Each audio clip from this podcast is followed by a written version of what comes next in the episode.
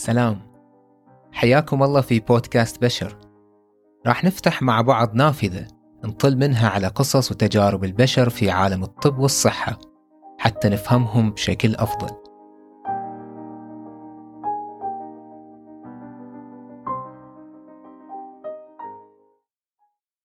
دخترم خانم عزیز خانم خونمه؟ باش میگم بفرمایید من بیرون. میرم بیرون.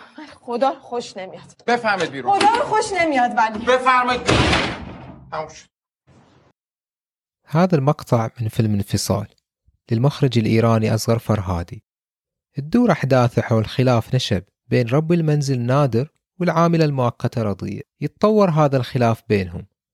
فيدفعه نادر من أمام باب بيته ليتهم بعدها بتسببه في إجهاض جنينها ويصبح على أثر هذا الاتهام مهدد بالسجن لسنين عديدة. مع سير أحداث الفيلم تتعرف أكثر على خلفية كل واحد فيهم. سياقه الاجتماعي والنفسي. تتفهم تصرفاتهم أكثر وتتعاطف وياهم. وينتهي بك المطاف محتار أي الطرفين له الحق. وحتى بعد انتهاء الفيلم تبقى إجابة السؤال الأهم معلقة. ألا وهو هل تسبب نادر فعلا في إجهاض الجنين؟ رسائل عميقة ومهمة نقدر نستلهمها من هذه الحبكة. أولا نتعلم أن الواقع ليس كما يصور في أفلام هوليوود وديزني وكأن البشر على نوعين أخيار وأشرار. الواقع أن الخير والشر كامنين في قلب كل إنسان هو صراع داخلي يتأجج عند كل مفترق طرق وامتحان. ثانيا ندرك مدى تعقيد الحكم على الآخرين. فغالبا ما يكون هناك جوانب غير مرئية وتفاصيل صغيرة قادرة على تغيير نظرتنا تماما نحو الأشخاص والأحداث. وأخيرا يحفزنا الفيلم على اتهام أنفسنا دوافعنا ونوايانا. وخلينا نتساءل إذا ما كانت ظروف ثانية غير اللي نعيشها بتكشف لنا عن جوانب مظلمة في شخصيتنا. بعد مشاهدتي لهذا الفيلم خطر على بالي تساؤل. إذا كانت الظروف القاسية والضاغطة بوابة لمعرفة الإنسان وتعقيداته إذا شنو ممكن نتعلم من الإنسان وعن الإنسان في دهاليز المستشفيات؟ حيث الوهن والضعف والمرض والفقد. هذه القصة في ساعة ونص تشرح حياتنا إحنا كبشر بحياة كاملة. ساعة ونص حصلت فيها سلسلة من الأحداث من رجعتهم البيت إلى رجعتهم المستشفى إلى تصرفها تجاه هاي الشخص بهاي الطريقة. في الساعات الأخيرة من المناوبة وصل نداء الطوارئ لغرفة الإنعاش. يعتبر هذا حدث استثنائي في طب الأطفال. سارع إلى غرفة الإنعاش لمعاينة المريض والقيام بالإسعافات. ولما وصل شاف طفلة ما تجاوزت عامها الثاني. كانت في حالة حرجة وتتدهور بشكل سريع. بيسرد لنا براك وهو طبيب أطفال في بريطانيا حادثة تعرض لها. وراح يتمحور هذا السرد بالخصوص حول شخصيتين أم الطفلة وأحد الأطباء اللي كان له دور في سير الأحداث. وكله في عدة دقائق تدهورت حالة المريضة ودخلت في حالة لا نبض ولا تنفس وباشرنا بعملية الإنعاش اللي هو عن طريق الضربات القلبية الكومبريشنز والتنفس الاصطناعي. ففي أول عشر دقائق أنا طلعت من الغرفة وكان الأم والأبو يطالعون فيني عيونهم تسألني كل شيء. وتسألني يعني شنو قاعد يصير؟ بس بدون ما يتكلموا. بذكب حاليا في حالة حرجة إحنا قاعدين نعطيها بقدر ما نستطيع من الأدوية عن طريق النخاع وهدفي من هاي التواصل كان إن we are doing something about it. بس بدون ما أعطيهم رأيي في شنو النهاية راح تكون خاصة انه صعب الواحد تخيل شنو النهاية ممكن تكون في حالات كثيرة ممكن رجعت. فبعد عشرين دقيقة من هذا الشيء أنا عرفت أن ال chance أن المريض يرجع عقب كل هاي الوقت من ال resuscitation هي أصبحت تتضاءل أكثر. وبالتالي يعني حسيت أنه شنو الحين أفضل شيء أقوله؟ شوية يعني تمالكت نفسي قبل لا أطلع وفكرت ولكن هي مجرد دقائق. وإذا كنت بكون صريح إياه ما كان عندي وقت أصلا. لاقوني الأم والأبو مرة ثانية خارج الغرفة وكانت يعني خلاص يعني دموع وحالة و... ولا زالت عيونهم تتساءل. فقلت لهم والله رجوع بتكم مثل ما كانت عليه جدا صعبة الآن. فطبعا ال- الأم والأبو عقب ما يسمعون هالكلام يطالعون الأرض أو يواصلون يطالعون فيني أصلا وأنا ما أدري ليش يطالعون فيني. كل اللي أقدر أقوله إني أعيد الكلام وبالفعل كنت أعيد الكلام. أه المرة الثالثة طلعت ما شفتهم ولكن شفت الأم طلعت برا الغرفة. كانت في الممر ولاحظت أن هي شافت الطبيب اللي عاين بنتها قبل بيوم ورخصها وداها البيت. وقالت لي أنت السبب في كل هاي اللي قاعد يصير الحين. قبل بيوم والدين الطفلة أحضروها للطوارئ بسبب بعض الأعراض. عاينها طبيب الطوارئ المناوب وكان انطباع عنها تعاني من مجرد عدوى فيروسية ما تستدعي ترقيد أو وصف مضاد حيوي ورخصها للبيت.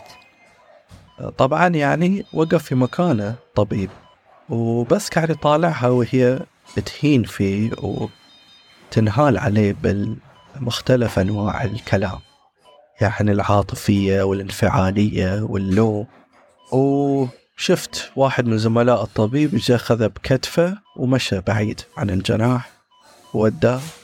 قال لي أنت اليوم روح البيت لا تكمل. بعد مرور ساعة من عملية إنعاش الطفلة تيقن الفريق الطبي إن ما في جدوى من الاستمرار.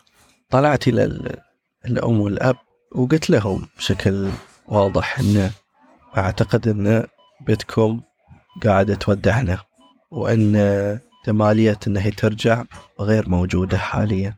وأعتقد أن شي باست يعني توفت. في هاي اللحظات الأم تنظر إلي ما عندها أي يعني كلام تقوله إلا أن لا تقول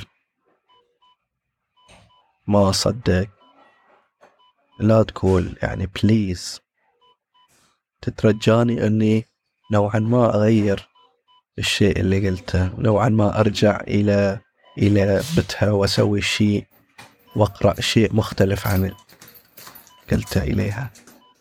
النظرة اللي عطتني إياها كأنما نهاية العالم قدامها حاليا. مع الكلام اللي قلته قلت لها هل تبغين ندخل مع بعض عشان we say goodbye one last time طبعا عملية الإنعاش لا زالت متواصلة في ذاك الوقت. ودخلت وقالت please continue don't give up. Please continue don't give up. وجلست صوب راس بتها يعني. وعملية الإنعاش متواصلة. كل اللي موجودين يعرفون الآن ما في أمل. كان يعني شيء من الخيال ال- إنك تشاهد أم بجانب بتها تحاول بس تسوي شيء إلى بتها إنه تخلينا نواصل. وكثر ما شعرت إن الشيء اللي قاعد نسويه طبيا ما منه فايدة إلى البت إلا إن إليه كل الفايدة إلى الأم في هذه اللحظة. إن هي تبغى تشوف إن هي قاعدة تسوي شيء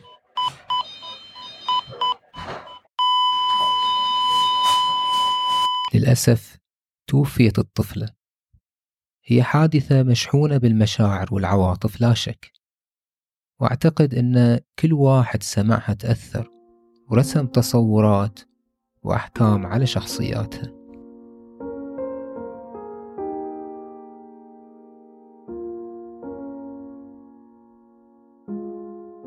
بعدها بكم يوم قام الطاقم الطبي بعقد اجتماع لمناقشة الحالة. الهدف منه كان مراجعة ما حصل بالتفاصيل وكانوا يحاولون يعرفون إذا ما كان الطبيب اللي رخصها قبل بيوم فات شيء. شيء كان من الممكن أن يمنع النهاية المأساوية.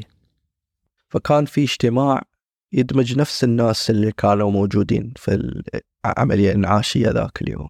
وكان هذا الطبيب موجود. يعني أتوقع 99% أن الكل كانت أنظارة تجاه ذاك الطبيب. كان كل من كان يفكر فيه وشنو بيقول. وصراحة الحالة لما مرت عليه عاينها بشكل كامل ووثقها بشكل ممتاز وكانت كل المؤشرات أو المؤشرات الحيوية طبيعية فما في أي سبب حقيقة أنك تدخل هاي المريضة إلى الجناح. الكل متفق ويا الأم والأبو أن أفضل علاج لهاي البت أنها هي ترجع إلى بيتهم وتواصل العلاج بالمسكنات وما إلى آخره. إحنا اتفقنا كلنا إن الطبيب هذا ما سوى شيء غلط ولكن كان جدا غير محظوظ. إن خلال 48 ساعة من شافت الحالة انه صار هاي الكل اللي صار. وطبعا أنا حسيت عقب ما طلعنا من هاي الاجتماع إن في نوع من إن أنا لو كنت مكان هاي الطبيب شنو بيكون إحساسي؟ يكون إحساسي أكيد بيقولون لي كذي عشان أحس أحسن أحس إن I feel better هم يعني أعطوني كلام مسكنات. هم أكيد الحين قاعد يحسون إن شنو هالشيء اللي هالطبيب ما قدر يلقطه اللي ممكن طبيب أكثر خبرة ممكن يلقط هاي الشيء وهل زملائي بيشوفوني في المستقبل؟ مثل ما كانوا يشوفوني قبل ما أصادف هاي الحالة. لكن إحنا حقيقة كفريق طبي في مناولتنا إلى الموضوع بشكل موضوعي ما وجدنا شيء نخطئ فيه الطبيب اللي شاف المريضة ممكن داخلنا البعض تساءل لكن في الحقيقة بالعلم الموجود ما كان في شيء ممكن يضع هاي الطبيب في دائرة السؤال. غير أن الأحداث جرت على ما هي عليه. هو لم يخطئ بحسب نتيجة الاجتماع الطبي. لكن السؤال هل هذا كافي ليتجاوز نفسيا ما حصل في تلك الليلة؟ فأن يوجه لك اتهام من أم بأنك قتلت ابنتها هذا بلا شك له ثقل عظيم وممكن يترك ندوب نفسية يصعب التئامها. وأحس أن الشيء اللي صار إلى هاي الطبيب وخصوصا التعامل اللي جرى بينه وبين أم الطفلة شلون تطلق عنانها تجاه طبيب في النهاية كان يحاول يساعد بنتها. غير الشعور بالشفقة تجاه الموقف اللي هو تعرض إليه حقيقة جرحني كثيرا طريقة التعامل اللي واجهه وش كثر لا محظوظية الطبيب من ناحية أنه مر من خلال هاي الممر؟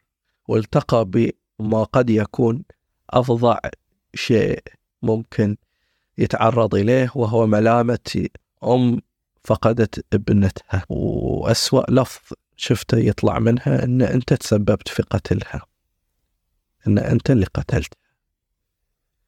والشي كبير شي ما يعني ما ما ينوصف حقيقة تقول لطبيب مثل هاي الكلام حسيت أن مش كثر هاي الموقف كبير بالنسبة إلى هاي الطبيب اللي ممكن في حياته ما تعرض إلى هاي الشيء من قبل واللي متوقع منه في نهاية اليوم إنه يقول إن هاي جزء من شغلي يرجع البيت ويداوم يوم ثاني.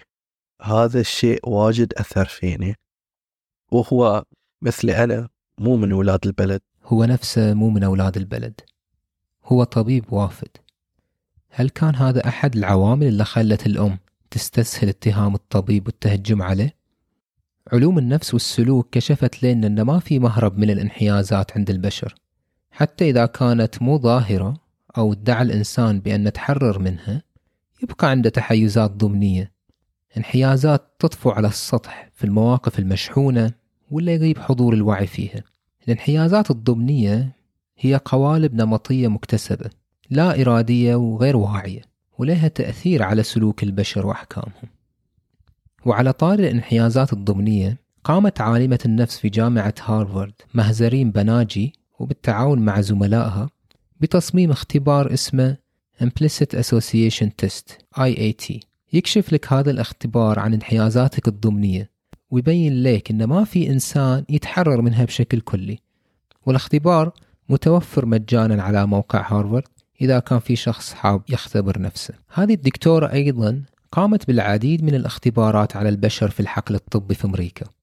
دراساتها أظهرت نتائج مثيرة للاهتمام. مثلا التباين في الخطة العلاجية بين المرضى بناء على لون بشرتهم حتى لو تشابهت ظروفهم من باقي النواحي. وإذا أقول ما في مهرب منها أعني من الانحيازات الضمنية هذا مو تطبيع لها. أو محاولة لإخلاء مسؤوليتنا الأخلاقية تجاهها لكن أقول إنها متجذرة فينا لأن هذه هي طبيعة البشر وفقط إذا اعترف بها الإنسان وأقر بها يقدر يخفف من حدة تأثيرها على أفكاره وسلوكه يدعي إنه غير منحاز، أنا غير منحاز للسنة على الشيعة أو العكس. أنا غير منحاز للرجال على النساء أو العكس.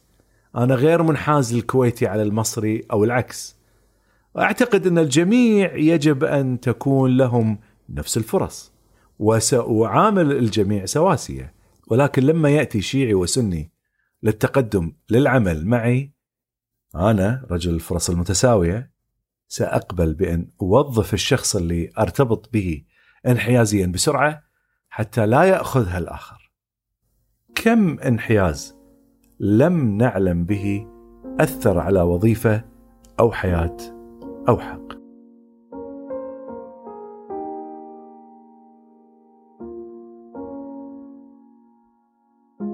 معاينتنا لتصرفات الآخرين من حولنا هي أشبه بوقوفنا على شاطئ البحر نطيل النظر في أمواج السطحية لدرجة ننسى فيها أن تحت هذا السطح وخلف هذه الأمواج أعماق وظلمات بعضها فوق بعض. أثناء انعاش الطفلة حصل موقف بين والديها موقف ممكن يقدم تفسير لردة فعل الأم تجاه الطبيب. راحت إلى زوجها بشكل مباشر وقالت لي I'm sorry. بعدين هني أنا تذكرت كذا مرة بينهم بين بعض. أسمعها تقول لي I'm sorry. I'm sorry. حتى ما ربطت الأمور بشكل مباشر إلا عقب فترة يعني. وتذكرت أن الأم شافت بتها في لحظة كانت اللحظة اللي فقدت توازنها فيها واللحظة اللي راحت عيونها على فوق وما سوت شيء وحست ان من ذيك اللحظة كانت مفروض ترجعها. وغالبا كان اعتذارها إلى زوجها طول هالوقت بناء على هذا الشيء. بعد ما طبيب الطوارئ رخص الطفلة ورجعوا للبيت. الطفلة فقدت الوعي لعدة ثواني. بس الأم تجاهلت الموضوع ظنا منها أن هذا الشيء عادي بما أن وضع الطفلة كان يبدو بأنه يتحسن بشكل عام. في اليوم التالي دهورت حالتها وهذا هو كان الوقت اللي رجعوا بها للمستشفى وبدأ الانعاش.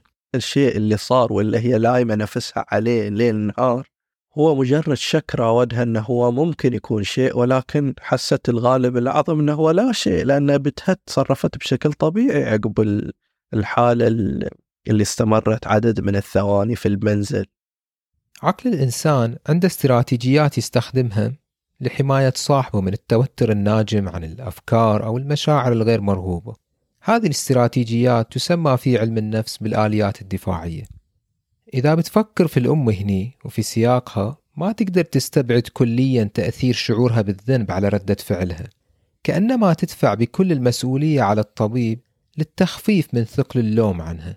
يعني أرجع وأشوف الأم في كل حالاتها وعاطفتها. عايشة تروما لحين ما انتهت. عايشة في وضع لحين بتها في حالة انعاش أمام موت شبه حتمي. يعني كل هاي المواقف اللي كانت الأم تمثلها من عاطفة من ألم. حسيته ترجم بشكل أو بآخر باتجاه الطبيب المناوب اللي شاف البت ورخص قبل بيوم. فمنه أنا ومنه أي واحد أنه يجي يعني يشير باتجاهها إلى أي حكم؟ يعني حاول أن تكتسب بقدرك بقدر نضجك بقدر وعيك بذاتك منظورا إلهيا. منظورا إلهيا. حاول أن تفترض لهم الافتراضات الطيبة.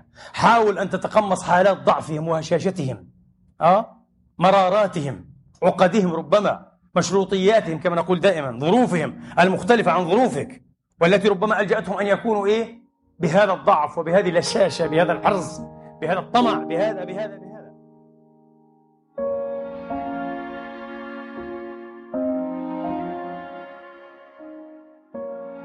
بعد عدة أشهر وبعد ما براك انتقل لمستشفى آخر ورد إيميل بنتائج التشريح واللي بينت سبب وفاة الطفلة العينات اللي أرسلوها إلى المختبر رجعت نتيجتها أن هي positive إلى فيروس اسمه adenovirus وهذا الفيروس غير قاتل أبدا.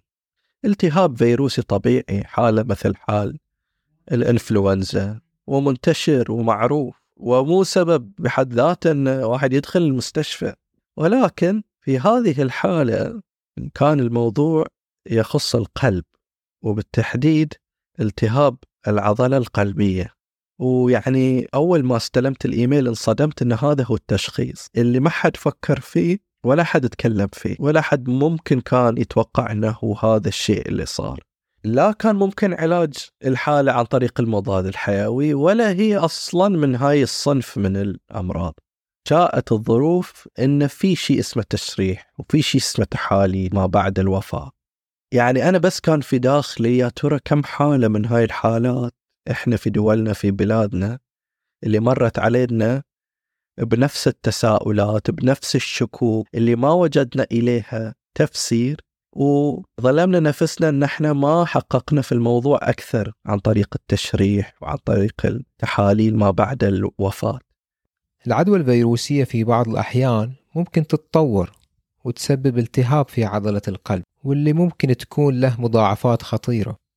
وهذا قد يقدم تفسير لحالة فقدان الوعي المؤقت اللي شهدتها الأم قبل بيوم من تدهور حالة طفلتها. لكن هذا النوع من المضاعفات لا يمكن التنبؤ به لأن ما يحدث في أغلب الحالات وبالتالي نتيجة التشريح أكدت أن الطبيب ما ارتكب أي خطأ.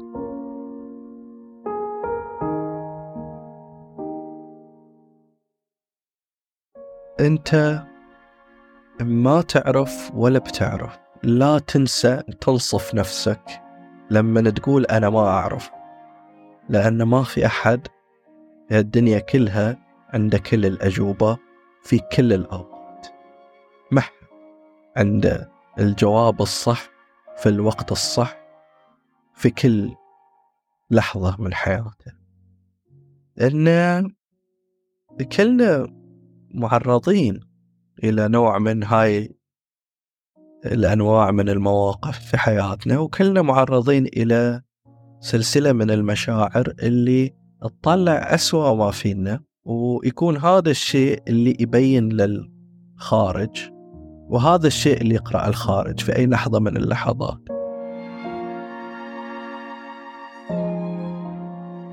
عقل الإنسان وهو يقرأ العالم الخارجي يميل بشكل تلقائي للقراءات اللي ما تتطلب جهد كبير ويبحث دائما عن أجوبة بسيطة لأسئلة معقدة هو مجبول على طلب الراحة.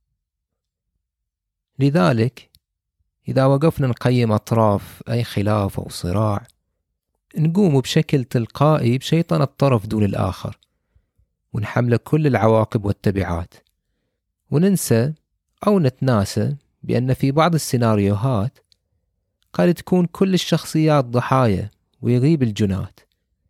هي ذات الفكرة اللي جسدها فرهادي بإتقان في فيلم انفصال وظهرت كذلك بشكل جلي في هذه الحادثة. علينا أن نتريث كثيرا قبل إطلاق الأحكام. نفكك الأحداث نتفحص الظروف والسياقات ونذكر أنفسنا قبل كل شيء بهشاشة البشر وضعفهم.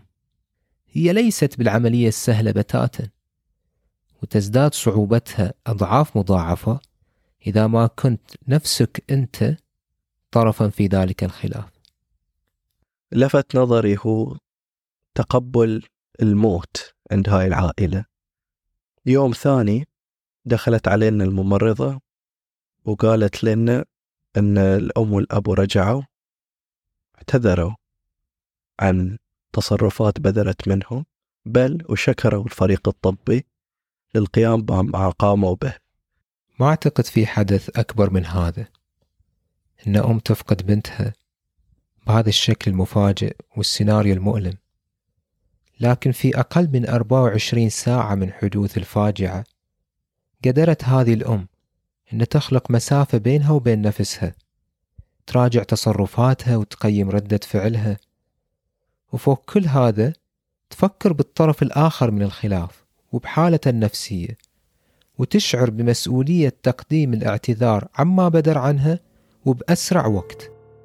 هذا كله حصل في ظل غياب المعلومات والنتائج اللي عندنا الحين. كيف استطاعت تسوي كل هذا؟ أعتقد إنها أدركت شغلة مهمة وهي أن الطبيب بشر في نهاية المطاف والبشر تكليفهم السعي لا النتيجة هم أضعف من أن يحيطون بكل شيء علما. أقول إننا نحن البشر خلقنا من ضعف محض. مهما تطورت أدواتنا ومعرفتنا سيبقى الجهل يحيط بنا. وفقط إدراكنا لهذه الحقيقة يجعلنا نرحم أنفسنا ونرحم الآخرين من حولنا. كان معكم محمد الوداعي. دمتم في خير وعافية.